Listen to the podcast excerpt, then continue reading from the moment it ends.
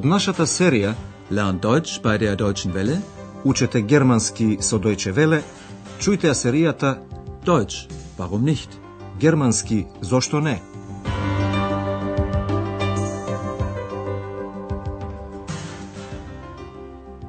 Liebe Hörerinnen und Hörer. Драги слушателки и слушатели, денес ќе ја слушнете лекцијата број 4 од четвртата серија. Во минатата емисија слушнавте репортажа за сојузната покрајна Бранденбург, која на некои места е многу идилична. Schön ist es hier. Richtig idyllisch. Денешната лекција го носи насловот на една многу позната песна од Теодор Фонтане кој живеел во 19. век. Насловот гласи Господин фон Рибек на Рибек. Хеа фон Рибек ауф Рибек. Најнапред ќе чуете на приказна за еден човек кој живеел во Бранденбург.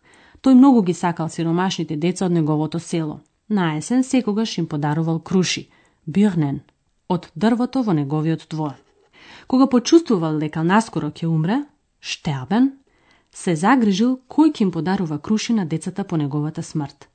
Тој имал еден син, зон, кој бил многу скржав, кајцих.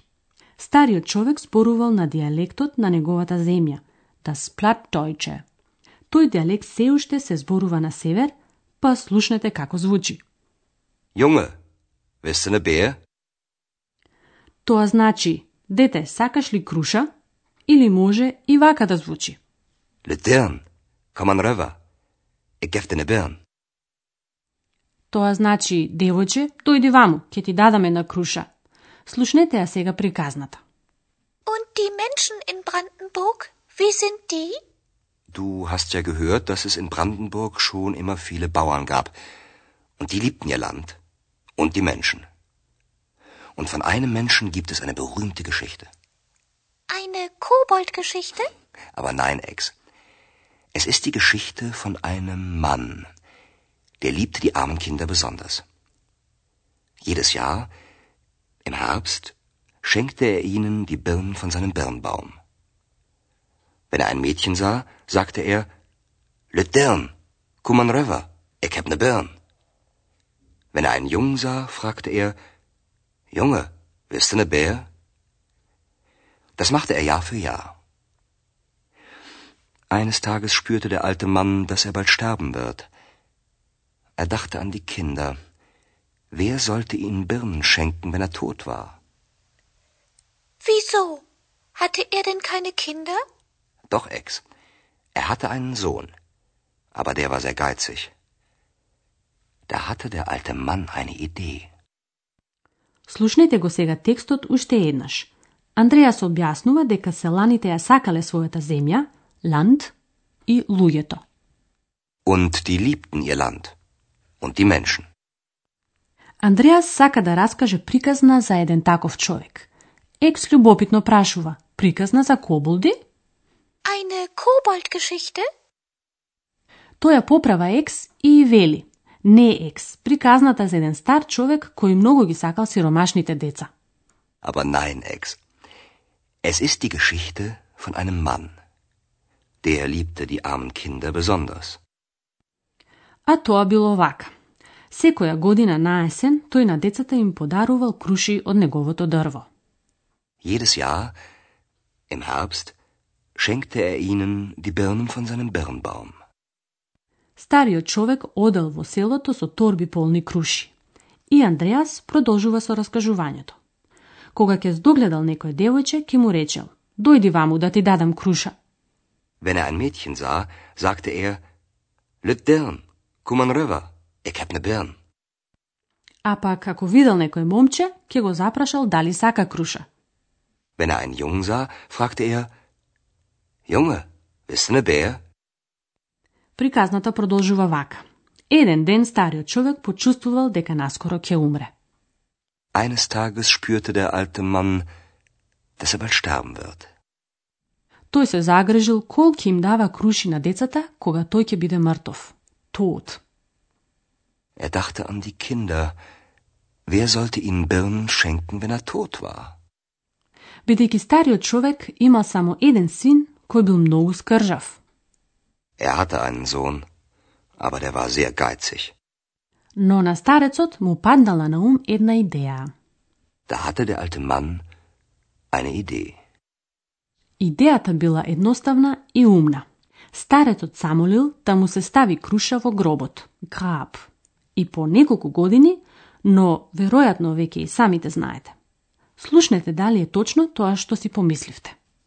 Kurz vor seinem Tod sagte der alte Mann, wenn ich sterbe, legt mir eine Birne in mein Grab. Gesagt, getan.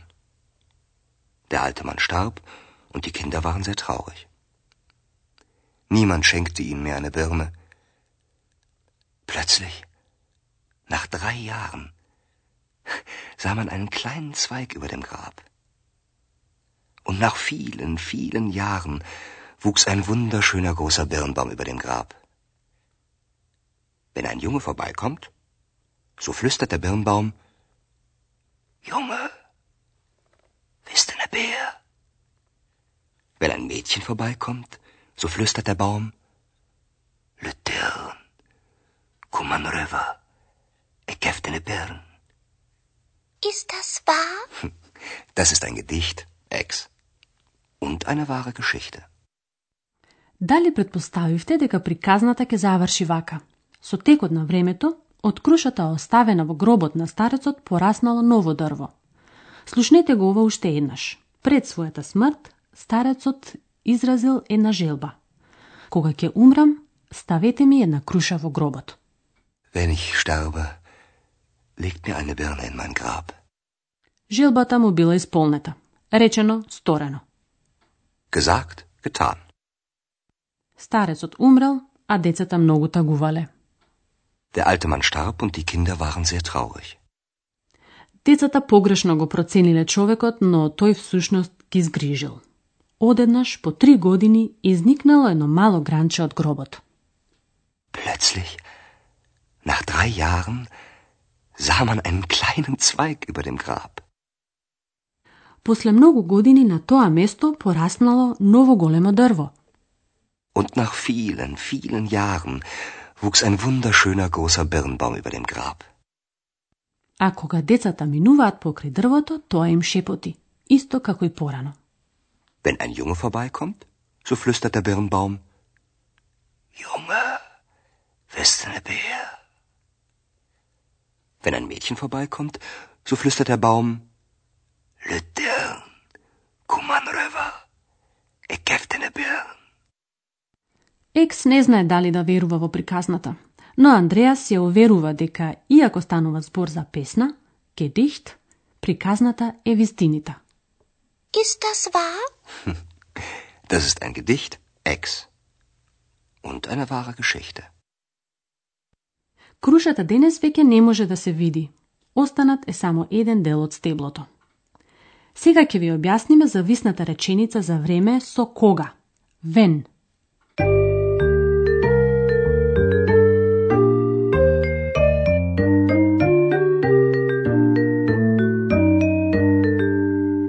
Сврзникот кога, вен, се воведува зависна реченица за време. Слушнете еден пример.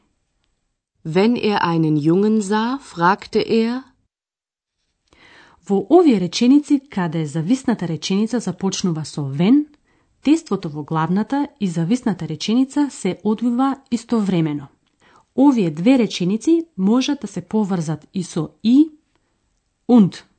Еве еден пример. Er sah einen Jungen und fragte ihn, Како и во сите зависни реченици, глаголот стои на крајот на реченицата. Речениците со претерит можат да се воведат со кога, вен, само ако действото се случува често или редовно. Значи секогаш кога старецот ќе видел некое момче, го прашувал. wenn er einen Jungen sah, fragte er, wenn er ein Mädchen sah, fragte er,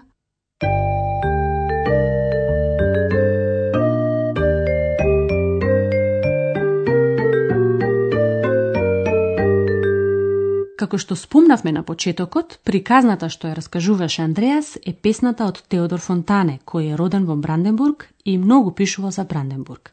Денес, за крај, Нема да ги повториме диалозите, туку ќе ја слушнете оригиналната песна од Теодор Фонтане, напишана во 1889 година.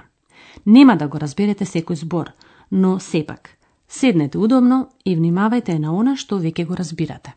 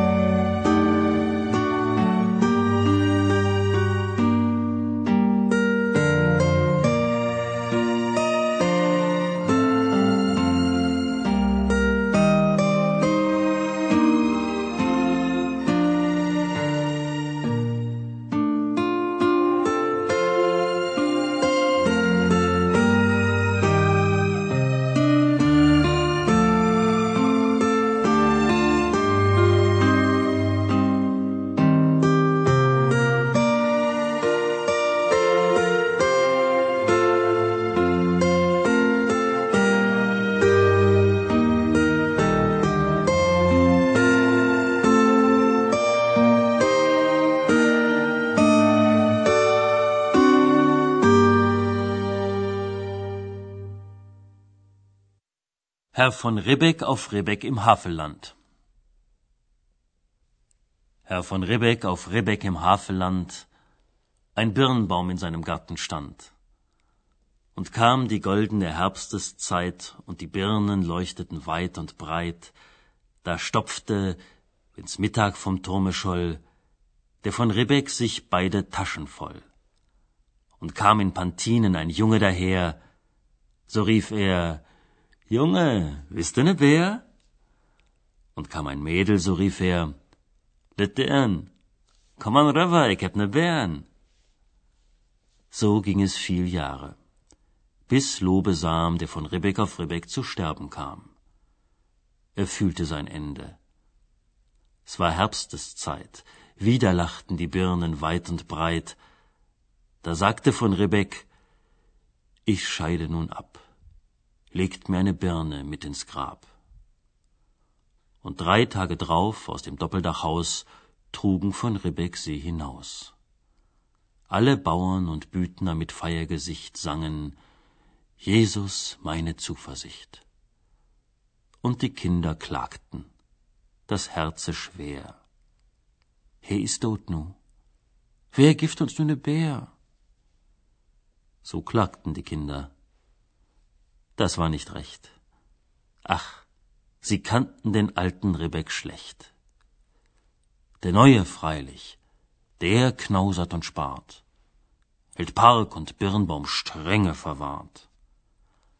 Aber der alte, vorahnend schon und voll Misstrauen gegen den eigenen Sohn, der wusste genau, was damals er tat, als um eine Birne ins Grab er bat und im dritten Jahr aus dem stillen Haus ein Birnbaumsprössling sproßt heraus. Und die Jahre gehen wohl auf und ab. Längst wölbt sich ein Birnbaum über dem Grab. Und in der goldenen Herbsteszeit leuchtet's wieder weit und breit. Und kommt ein Junge übern Kirchhof her, so flüstert's im Baume, wisst ne Bär? Und kommt ein Mädel, so flüstert's Latern. Komm an, Rafa, ich geb dir ne Bären. So spendet Segen noch immer die Hand des von Ribbeck auf Ribbeck im Havelland. Во следната лекција, Екс и Андреас ке патуваат таму, во Хавеланд, кај дрвото на господин Рибек, а дотогаш до слушање. Тоа беше германски «Зошто не?» Радиоговорен курс на Херат Мезе во продукција на Дојче Веле и на Гетовиот институт од Минхен.